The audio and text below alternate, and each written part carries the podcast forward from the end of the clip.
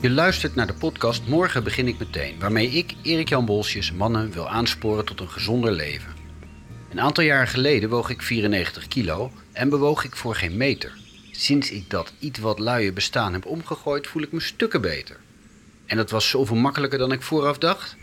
Ik ben geen leefstijlgoeroe en ook geen medicus of diëtist, maar spreek uit eigen ervaring als ik je vertel over het plezier van afvallen en gezonder leven. En dat plezier gun ik jou ook. In elke aflevering interview ik daarom iemand die inspirerend vertelt over zijn manier om gezonder en fitter te worden. Ik heb het al vaker gezegd, maar nu doe ik het echt. Nog één en dan schijk ik er mee uit. Wordt een andere man nu het nog kan. Pak het voortaan, heel anders aan. Morgen begin ik meteen. In deze aflevering van Morgen begin ik meteen gaat het over een Bourgondisch leven. En wie kan ik daar beter over spreken dan wijnschrijver Nicolaas Klei, de bedenker van de bekende term omfietswijnen. Ik had het vroeger nooit gedacht hoor. Ik moest altijd lachen en dan mensen die rondrennen en worteltjes eten. En dan dacht ik van ja, eh, leef je misschien wat langer, heb je die tijd doorgebracht met worteltjes eten. En nu eh, doe ik het zelf. Nicolaas schrijft voor Elsevier over wijn, proeft beroepsmatig jaarlijks misschien wel duizenden flessen wijn en leefde lang als een Bourgondier, tot hij zichzelf slank wandelde en in een jaar meer dan 40 kilo afviel. Ik vraag hem of hij nu nog wel wijn drinkt in zijn nieuwe Spartaanse leven. Maar eerst wat mijmeringen over mijn eigen Bourgondische verleden. Het lijkt wel een soort geuzenterm voor te dikke mannen die leiden een Bourgondisch bestaan, zoals dat heet. Vaak komt er dan achteraan, ach, je leeft maar één keer. Ik heb het ook lang gedaan. Eigenlijk, als ik terugkijk, vanaf het moment dat ik ging studeren. In die tijd dronken we regelmatig, en dan bedoel ik een paar keer per week, veel te veel. De enige sport die ik toen beoefende was hockey in een gezelligheidsteam. En tijdens de derde helft werd de toch al geringe sportieve prestatie uit de wedstrijd direct weer teniet gedaan. En dat Bourgondische leven heb ik daarna nog lang volgehouden. Een zak chips ging altijd leeg, dat worstje ging op en als groot kaasliefhebber stopte ik toch behoorlijk vaak een pondje in mijn mondje, wat ik dan wegspoelde met een glas wijn of twee. Vaak s'avonds laat nog heerlijk, wat kaas, nootjes of zo'n worst. Borrel in de kroeg, ook zo fijn. Bitterballen, vlammetjes, biertje erbij of twee, drie. Niks raars, gewoon gezellig. Maar intussen zette mijn lijf langzaam maar zeker uit en die groei werd niet beperkt door al te veel beweging. Ik had en heb geen weegschaal en knapte ook niet ineens uit mijn kleren. Het ging allemaal heel geleidelijk. Maar zo woog ik op mijn 47ste 94 kilo. En ik ben niet de langste. En dat is zeker 20 kilo meer dan goed voor me is. Die trend zou gewoon doorzetten als ik niks veranderde. En dat kon echt niet langer. Dus nam ik afscheid van mijn leven als Bourgondier. En enigszins Spartaans werd mijn leven daarna wel, als ik eerlijk ben. En dat is ook zoveel leuker en makkelijker dan ik van tevoren had bedacht. Ik ben benieuwd hoe dat voor mijn gast is gegaan. Nicolaas Klei. De bekende wijnschrijver Nicolaas Klei drinkt voor zijn werk. En daar droomt menigeen van natuurlijk. Maar als je gezonder wilt leven, is dat misschien wel een uitdaging. Op oude foto's zie je hem altijd met een vol rond hoofd met krullen aan weerszijden en een buik die behoorlijk opbolt onder een flamboyant jasje en dito shirt. Als ik een levensgenieter zou moeten uittekenen, dan is dit hem wel. En toch besloot hij dat het anders moest. Door veel te gaan wandelen veranderde hij in een slanke man. En daar schreef hij een erg onderhoudend boekje over, De Slanke Wandelaar. En voor luisteraars van de podcast hebben we een aantal exemplaren beschikbaar. Aan het eind van deze aflevering vertel ik je hoe je er eentje kunt krijgen. Bij Nicolaas thuis in Amsterdam vertelt hij hoe hij zichzelf slank wandelde. En in zijn boek noemt hij dat niet happen, maar stappen.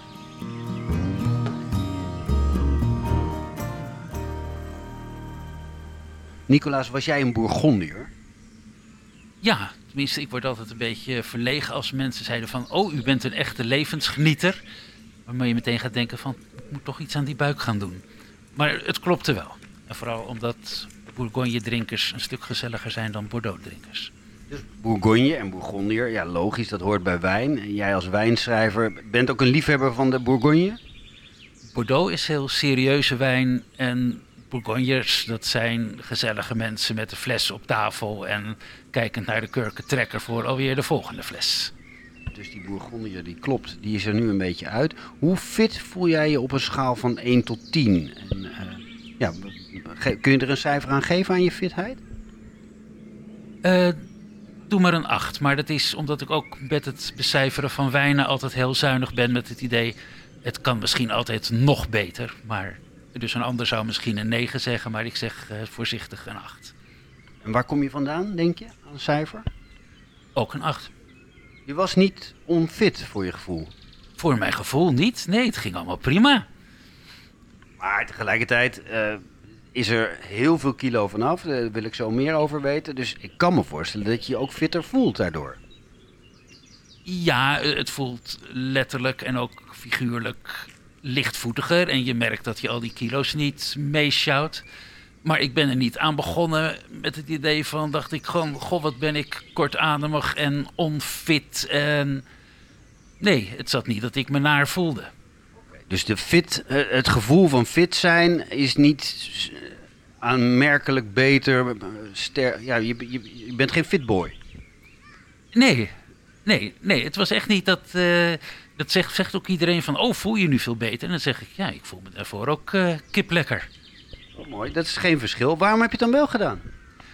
Ik ging zitten en er knapte een knoopje van mijn overhemd. Echt zoals in een stripverhaal. Poing, naar voren. Nou, dat is niet waar. Dat schrijf ik in het boekje. Eigenlijk scheurde het knoopsgat in. En dat was al de grootste maat. Dus toen dacht ik van... Oké, nu moet ik of naar High and Mighty... of ik moet dat vage idee wat ik zo een keer in de week of de maand heb dus wat dunner worden. Of in ieder geval zorgen dat ik niet dikker word. Nu toch eens echt wat aan gaan doen. Wat is high and mighty? Voor mensen die te lang of vooral te dik zijn, kleertjes. Dus dan had je echt op maat, ja, want het, het grootste overhemd past niet meer. Ja, dan Ja. moet je het dus op maat gaan laten maken. Wauw, en je zei, ik ga niet naar High and Mighty. Ik ga er, die stem die ergens in de achtergrond wel is, zei, ben je niet te dik? Die ga ik nu, eh, daar ga ik gehoor aan geven. Want ik voelde me fit, maar er was wel regelmatig zo'n knagend stemmetje... dat bij nader onderzoek het geweten bleek te zijn... en wat extra luid klonk als je weer iets had gelezen over diabetes 2 en hartfalen... en mensen die door hun enkel zakten of als ze dood waren niet meer door de deur konden... maar dat het walrusvormige lijk het huis uitgetakeld moest worden. En toen dacht ik, ja, ik kan natuurlijk altijd wel zeggen dat ik gezellig mollig ben... maar ik ben toch inmiddels wel richting zo dik dat het niet leuk meer is. Dus laat ik er nu eindelijk eens iets aan gaan doen. Na dit overhemd zo'n knoopje. En nu was in welk, welk jaar? Eh, Het zou mooi zijn als ik de precieze datum weet. Maar ik weet wel nog dat het in maart 2018 was. Dus voor corona. Hè. Ik, ik kon me voorstellen bij de voorbereiding van ons gesprek dat, dat corona nog een soort alarmsignaal had af doen gaan, maar er waren al andere signalen geweest. Dus voor die tijd was het al bij jou het geval, het kwartje, 2018, die, dat overhemd dat openschoot. Ehm, maar ja, dan moet je het nog gaan doen. Eh, nog even voordat we de, ik hoor, eh, de luisteraar hoort wat je hebt gedaan om af te vallen. Ben ik benieuwd naar gewoon je leven van dat moment. Wat at je, wat dronk je? Kun je dat een beetje terughalen? Eh, dan moet je misschien een wat langere podcast maken. Want het was een heleboel wat ik at. Maar in tegenstelling tot wat veel mensen dachten... geen zakken snoep en slagroomtaartjes... maar de verlokkingen van de vleesjuwelier... en de kaaskunstenaar en de krokettenkeizer... die hier in de buurt zit. Dus lekkere, hartige dingen. En nou, tussen de middag uitgebreid lunchen en denken van... gut, zal ik een lumpia halen of zal ik een kroket halen of zal ik zus of zal ik zo. En dan om een uur of vijf, laten we zeggen half vijf, kwart over vier, wordt het tijd om iets te proeven. En als het lekker is, ook wat te drinken. En bij iets drinken moet je om de alcohol te dempen natuurlijk wat vet eten. Dus daar iets lekkers bij. En om al dat vet te bezweren moet er natuurlijk een glaasje wijn tegenaan. En zo had ik nog voor het avondeten begon natuurlijk een astronomische hoeveelheid calorieën naar binnen. Je niet telde. Die ik niet telde, want je moet jezelf geen rare dingen eh, op de hals halen. En ik wist toch wel dat het eh, meer dan genoeg was voor een hele week... wat ik eh, tijdens het aperitief naar binnen werkte. Dus op één dag in feite, op één dag in feite meer dan je in een week nodig had. En dat al jaren. Of was je ooit, ja, was dat pas sinds kort zo? Al jaren en jaren. Dat zijn de bekende gevaren van het beroep als wijnschrijver.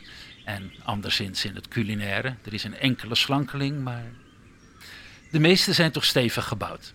Dus het paste ook bij jou en het paste bij je omgeving en het was niet zo raar misschien. Nee, en dat was natuurlijk ook een prima idee om dat knagende gewetensstemmetje het zwijken op te leggen. Want als er ergens weer een gezellige proeverij was waar ook wat koks en dergelijke waren uitgenodigd, of andere beroepsgenoten, dan dacht je, oh, zo dik ben ik nog niet, dus er kan best nog wel wat bij. Dus je kijkt inderdaad eigenlijk de verkeerde kant op. Helemaal, ja. En toen was het maart 2018 en zei je, zo kan het echt niet langer. Wat heb je toen gedaan? Ehm, twee dingen. Ik bedacht, oké, als er minder eten naar binnen moet, dan levert de grootste besparing dat geaperitief op. Dus ik ga opeten wat er nog is. Ik ben wel zo keurig opgevoed dat je geen eten weggooit. Maar van nu, als dat op is, hou ik er echt mee op. En dan ga ik alleen nog maar proeven. Niet meer gezellig zuipen en schransen vanaf half vijf tot eh, laat in de avond. En nummer twee, eindelijk eens serieus aan de wandel. Wat ik al een tijd halfslachtig van plan was. Van plan te gaan wandelen, maar het kwam er niet van en nu wel. Herinner je je dat eerste moment nog dat je naar buiten ging? Eh, nee, dat is jammer. Terwijl als ik het achteraf geweten had dat het allemaal zo goed had gewerkt, dan had ik het allemaal keurig bijgehouden en ook kilo's geteld en zo. Maar ik weet wel, ik had op een gegeven moment het boek van Adriaan van Dis gelezen over zijn wandelingen in Parijs. En Adriaan van Dis die kan heel leuk schrijven, maar heeft ook eens bekend dat hij wel graag bonbons op brood eet. Dus die was en is met tussenpozen ook wel mollig. En die had daar de 10.000 stappen ontdekt. En schreef in Parijs elk leuk steegje in, elk trappetje op, nooit de lift, elke omweg maken. En dat dat hielp, louter door die 10.000 stappen te doen. En ik dacht, hé, hey, gymnastiek vond ik verschrikkelijk. Maar wandelen, dat kan ik wel, want ik kan tenslotte ook fietsen. En in het begin denk je dan, wat gaat het allemaal langzaam, dat wandelen, dat schiet ook niet op. Maar je hoeft ook meer niet naar alle lekkere winkeltjes, want dat mag niet meer van mezelf. En dan went het heel snel en al snel loop je meer en meer. Maar ik weet dus niet meer het moment dat ik echt dacht van... oké, nu helemaal niet meer makkelijk met de fiets. Maar wel dat ik op een gegeven moment dacht van... oh ja, maar smiddags gaan zitten lezen of luieren, dat slaat nergens op. Ik kan smiddags ook nog wel een wandelingetje doen. Of nog een langer wandelingetje. Werden meer wandelingen dan die ene per dag. En, en je noemt stappenteller. Eh, had je dat op je mobiele telefoon? Of hoe, hoe ziet dat eruit, een stappenteller? Eh, ik zocht het laatst voor iemand die door mij bezig is bekeerd te worden. Niet bewust, maar die zei van, god, dat wil ik ook gaan doen. Eh, er zijn duizenden verschillen, maar dit was gewoon een heel simpel iets met een displaytje dat je stappen telt. Een beetje knullig en al, af en toe hield hij er ook mee op. En ik had ergens gelezen dat je in en om huis sowieso al 3000 stappen per dag maakt. Dus als ik er buiten zo'n 5000 had gemaakt, dacht ik: oké, 5000 plus 3000 is 8000, zoveel. Dat is eigenlijk 9000. Nou, dat telt wel als 10.000 stappen. Weet je hoeveel kilometer 10.000 stappen zou zijn als je dat uitlegt? Ehm, even denken, dat ligt natuurlijk aan hoe lange benen je hebt en hoe groot je stappen zijn. Ik denk in mijn geval iets van 8 kilometer of zo. Dat kan ik me ook voorstellen. Dat lijkt mij ook wel ongeveer. Ja. Ja, En die loop je tegenwoordig? Elke dag? Nee, 20.000. Echt waar? Dus 16 tot 20 kilometer misschien wel per dag? Ja, nu je het zo zegt. eh, ik- tel nooit kilometers, alleen braaf de, de, de stappen op het klokje. Maar eh, ja, 20.000 stappen is het streven. En waar ga je heen? Want eh, even de situatie schetsend. eh, je woont één straat achter de PC Hoofdstraat in Amsterdam-Zuid. Eh, niet direct een natuur eh, dichtbij, als wel het Vondelpark. Eh, waar ga je heen? Nou, ik heb een heleboel eh, natuur om me heen. Vondelpark, Westerpark, Servatipark, eh, noem maar op. Amsterdam is vol met parken.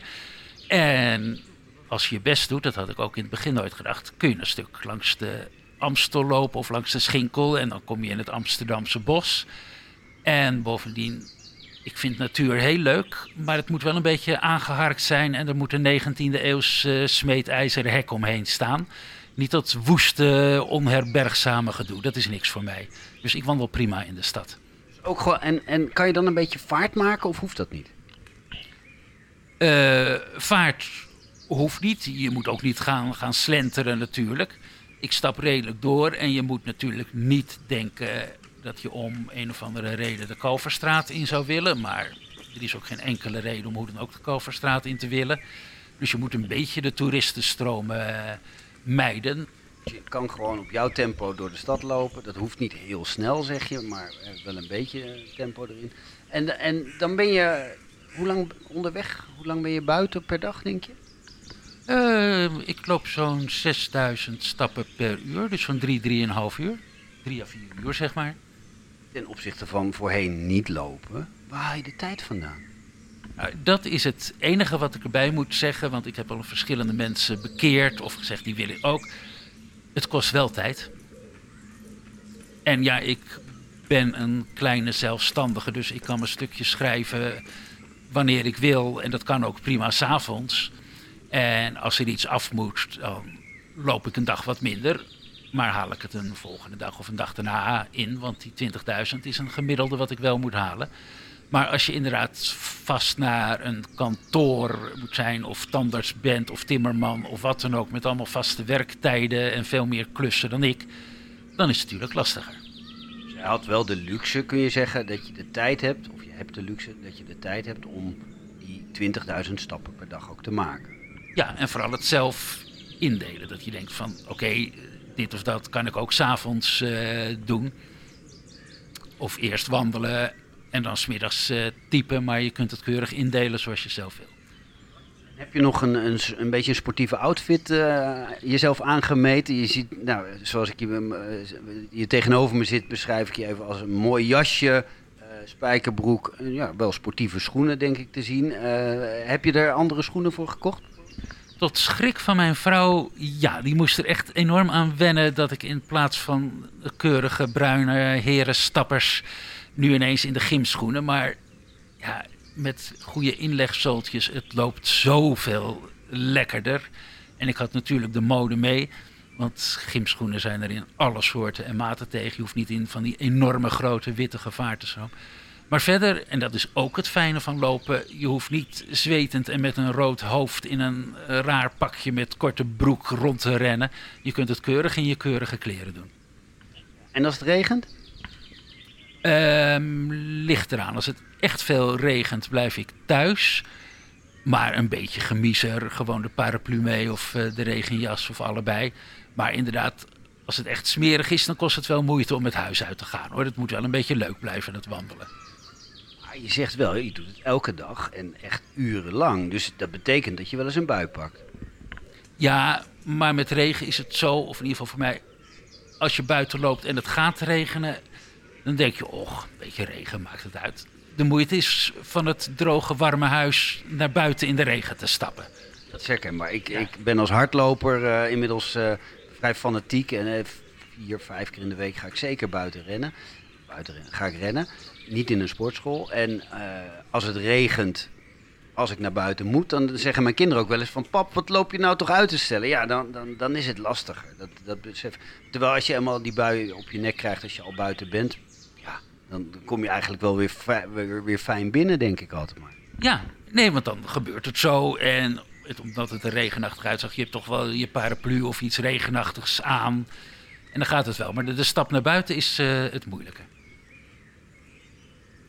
Even dat, terug naar je vroegere leven. Je bent de bedenker van, uh, ik vind de briljante term omfietswijn. Maar kon jij nog wel fietsen? Want je was echt zwaar hè, voor jouw postuur.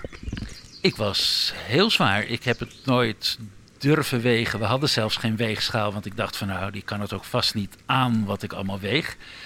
Maar ik weet wel, toen ik al zichtbaar was afgevallen, ben ik een keer bij iemand op de weegschaal gegaan en woog ik toch nog 107 kilo's. Wel met kleren aan en al, maar dus terugrekenend ben ik vast voor 120 of misschien wel 125 geweest. Maar het fietsje kon het keurig tillen nog. Krakend en wel af en toe, maar En, en eh, dus je fietst nog wel. Eh, die 120 kilo zijn nu hoeveel? 73 probeer ik dan met een heel bescheiden gezicht te zeggen. Maar je bent er stiekem heel trots op. Tuurlijk. Ja, echt. eh, het was ook helemaal niet de bedoeling misschien dat het daarom ook zo goed werkte. Het enige idee was, oké, niet nog dikker worden. En als je het dan ineens ziet slinken en slinken. Ja, Dan is het dus, je weet het niet precies, maar zeg van 123, we gaan even rekenen naar 73 kilo, is 50 kilo. ja. En ik weet ook nog wel dat als ik mijn elleboog bij mijn middel had, dat ik dan gezellig mijn vingers niet eens precies bij elkaar kon krijgen op mijn buik. Dus ik kan nog nameten hoe het was. En dat is inderdaad wel een enorme portie pens eh, die verdwenen is.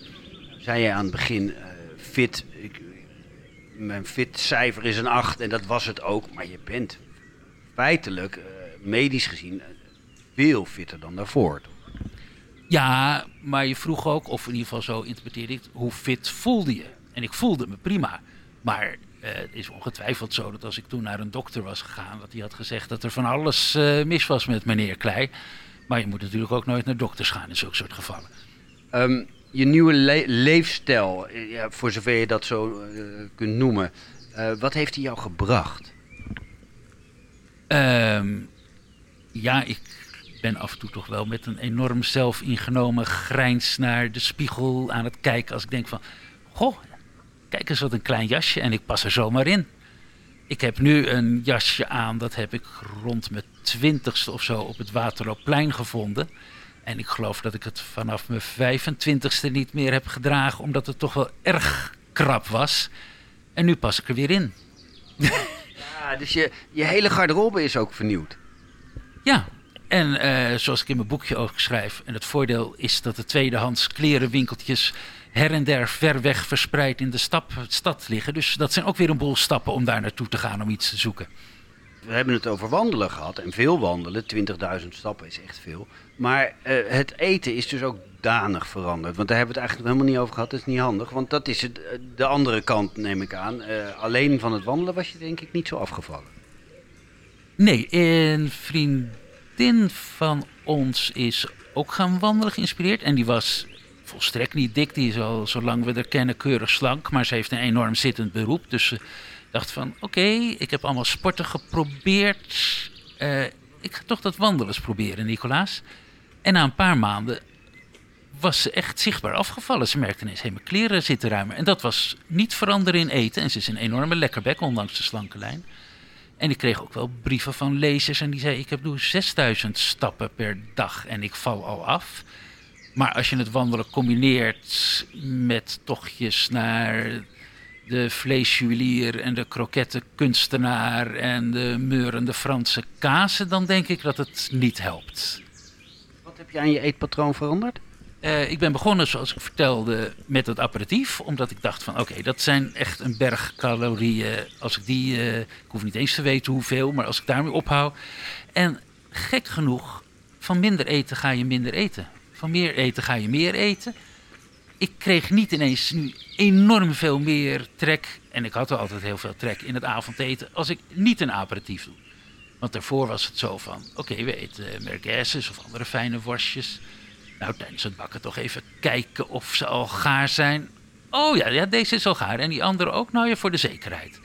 Nou, zo, dan zitten we straks ook met een oneven aantal. Dus laat ik dat worstje ook heen. Dus alle worstjes heb je voor het eten ook al.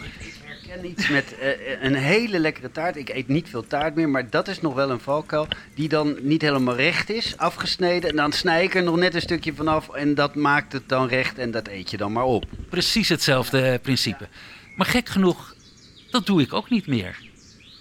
Dus je gaat vanzelf, en ik vertel nu alsof het van de ene dag op de andere is. Hè, het eh, aperitief heb ik echt van de ene dag op de andere gezegd van oké, dat niet meer. Maar tijdens het avondeten en smiddags uh, ga je ook minder eten. Dus geen dieet. En wel dat ik snap van oké, geen vette wasjes meer. Dat helpt natuurlijk enorm. Maar gewoon minder van alles. En, meer groenten bijvoorbeeld? Of andere, heb je eten ook, uh, soorten eten ook vervangen? Nee, want uh, ik had gek genoeg, of was het heel veel te veel, altijd al heel gezond. Ik ben dol op groenten. En ik snap ook nooit al die vleesvervangers, want goede groente is heerlijk. En mijn vrouw geeft helemaal niet om vlees. Dus we aten ook altijd al praktisch vegetarisch. Ja, op die verleiding van lekkere braadworstjes na natuurlijk. Maar. Dus ik had altijd al veel. Wel uh, meer fruit. Want in het begin denk je toch van: God, er is toch een knagend iets. En ik heb zin in wat.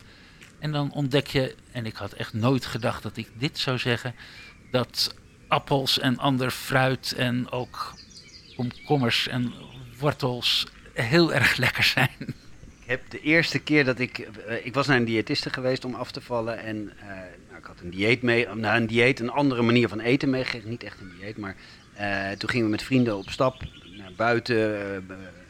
naar, naar een meertje. En we gingen picknicken. Dat ik zocht het woord. we gingen picknicken. En ik zat net op dag twee van mijn nieuwe regime. En ik had worteltjes. En ik zat inderdaad met een zuur gezicht wortels te knagen. Maar inmiddels, ja, heerlijk. Maar op dat moment was het nog zo'n contrast tussen ja, de wijn en de, alles wat er open ging aan lekker eten en, en mijn wortels. Maar jij zegt dus ook van ja, ik vind ze lekker. Ik vind ze lekker. En we waren laatst bij mensen op bezoek, uh, zo'n uur of vijf. En vroeger had ik alle slaatjes en andere verleidelijkheden meteen uitgefixt. En nu dacht ik, oh fijn, ze hebben tomaatjes en komkommer en wortels. En laadde ik daar mijn bordje mee vol. En niet uit pure deugdzaamheid, niet denkend aan mijn nieuwe jasje. Maar gewoon, ik dacht van, oh nee, die wil ik. Het wordt dus ook gewoon. Het wordt een gewoonte. Ik had het vroeger nooit gedacht hoor. Ik moest altijd lachen en mensen die rondrennen en worteltjes eten. En dan dacht ik van ja, dan leef je misschien wat langer, heb je die tijd doorgebracht met worteltjes eten. En nu uh, doe ik het zelf. Met plezier, ja, dat is het. En die combinatie wijn en spijs, uh, je blijft wijnschrijver, dus ook wijndrinker, neem ik aan. Nee, proever.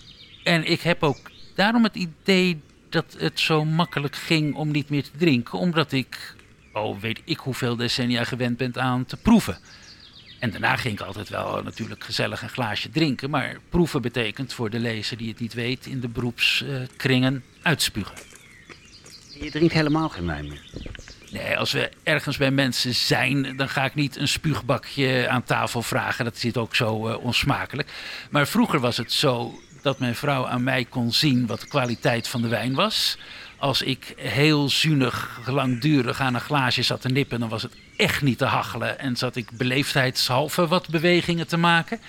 En nu nip ik heel voorzichtig aan zelfs de lekkerste wijnen.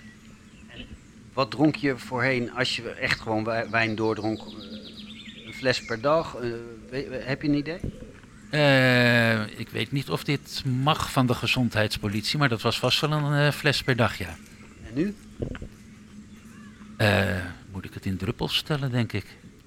Ja, groot verschil toch? Ook in calorieën lijkt ja, ja, want er schijnen, en ik heb altijd verkondigd dat dat uh, propaganda was van uh, de gezondheidscommissariaat. Uh, maar er schijnen verdomd veel calorieën te zitten in wijn. Maar in mijn geval was het vooral dat ik honger krijg van wijn. En dus al die eerder genoemde lekkernijen erbij gaat eten. Noemen ze dan vlek op vlek, want het is dus en de wijn met calorieën en al die lekkernijen met calorieën. Ja, als je dat allebei blijft doen, dan word je vanzelf 125 kilo. Ja, want dan denk je toch van, oh ja, ik, ik heb een hekel aan dronken worden of aangeschoten, dus ik leg vast een bodempje. En oh ja, ja, maar er zit natuurlijk wel allemaal vet in. Maar oh, dat vet kun je natuurlijk bestrijden met alcohol en de zuren van de wijn. Daar lost dat in op. En die alcohol, die demp je weer met vet. En zo heb je een visieuze cirkel die buitengewoon smakelijk is, maar niet heel goed voor de lijn. Nou, nou ben jij gezegend met blijkbaar niet de, de dat, de valkuil van ik, ik proef wat en ik ga doordrinken met, wijn, eh, met die wijn die ik eh, begonnen ben. Maar tegelijkertijd zet je mensen wel aan tot drinken. Of is dat niet helemaal wat jij als jouw beroep ziet? Ik zie als mijn beroep mensen richting lekkere wijn halen. Dus niet richting zuip maar door. Hoewel er passages zijn in supermarkt wijngidsen waar ik dat natuurlijk wel gezellig zeg van dit is zo lekker en pak maar vast de kurkentrekker. Maar het streven is echt van mensen die van wijn houden, wijzen op van kijk, dit is lekker en drink nou eens niet die saaie en probeer ook eens dit wat je niet kent. Bij wijn gaat het, en in ieder geval bij mij en toch wel bij veel anderen, toch echt om het lekkere, niet om de alcohol. Want anders kun je beter gewoon eh, de bonusaanbieding vodka inslaan. Flesje never. En, en eh, mensen die willen stoppen met alcohol drinken, want ik vermoed dat luisteraars van deze podcast in, in ieder geval fitter willen zijn, gezonder willen zijn en misschien ook wel overwegen om niet te gaan drinken een tijdje. Eh, zijn er dan al alternatieven zonder alcohol in jouw, uh, jouw leven, in de wijnen? Nee, toevallig heb ik deze zomer voor Elsevier weer een heleboel alcoholvrije wijnen doorgeproefd. En ik kon heel vriendelijk zeggen, het is een stuk beter dan tien jaar geleden. Maar het haalt het nog niet bij echte wijn. Want die alcohol is niet om dronken te worden, maar dat is zoals het zo mooi heet toch een vervoerder van aromatische stoffen. En het heeft vulling en rondeur. En bovendien, hoe meer je met een wijn klooit, hoe minder de smaak wordt. En je moet heel veel klooien met wijn, wil je die alcohol eruit peuteren. Dus uh, het is net zoiets als met vleesvervangers. Wil je vegetariër worden, eet gewoon groenten. Wil je geen wijn drinken, drink geen wijn. Maar die alcoholloze wijnen, het is beter dan het was, maar vruchtensap is een stuk lekkerder. Ja, want eerlijk gezegd, de 0% biertjes kan ik al goed hebben. Als je die vergelijkt met een gewoon biertje, is het smaakverschil voor mij, ik ben geen heel geoefend uh, proever, is niet zo groot. Maar bij wijn is dat echt wel zo. Zeg. Ja, daar was ik ook in het artikel op uitgekomen. Want ik ben helemaal geen bierkenner. Maar ik had inderdaad van veel mensen gehoord dat alcoholvrij bier stukken beter is. Echt prima te ding. Maar bier heeft veel minder alcohol dan wijn. Dus het eruit halen, het verschil is kleiner. En bier heeft al die fijne bitters die toch een heleboel gebreken maskeren. Dus het is makkelijker om bier zonder alcohol smakelijk te maken dan wijn zonder alcohol. Laatste vraag die ik aan iedereen stel. Heb jij een tip voor luisteraars die morgen meteen willen beginnen met gezonder leven? Wat kan je morgen meteen doen? De deur uitstappen en aan de wandel gaan.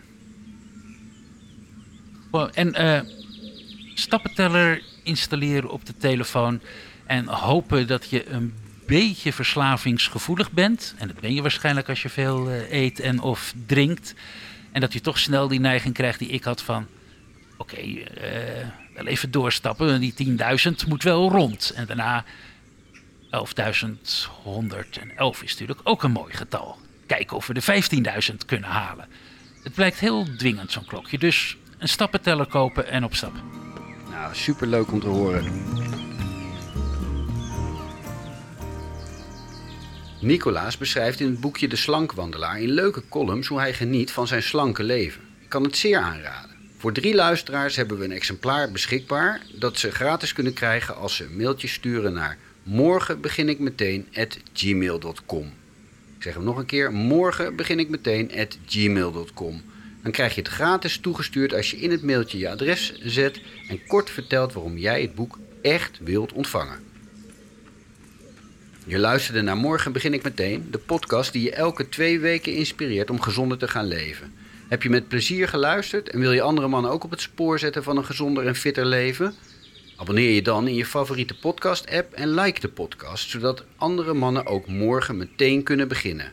Een recensie wordt helemaal op prijs gesteld. Reageren kan ook, ik ben erg benieuwd naar jouw ervaring, je goede voornemens en hoe je die volhoudt. Mail ze naar morgen begin ik meteen at gmail.com. De productie van deze podcast wordt gedaan door Audiodroom.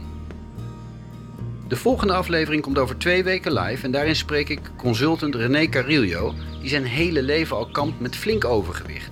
En een paar jaar geleden alles wat hij al wist over afvallen toepaste.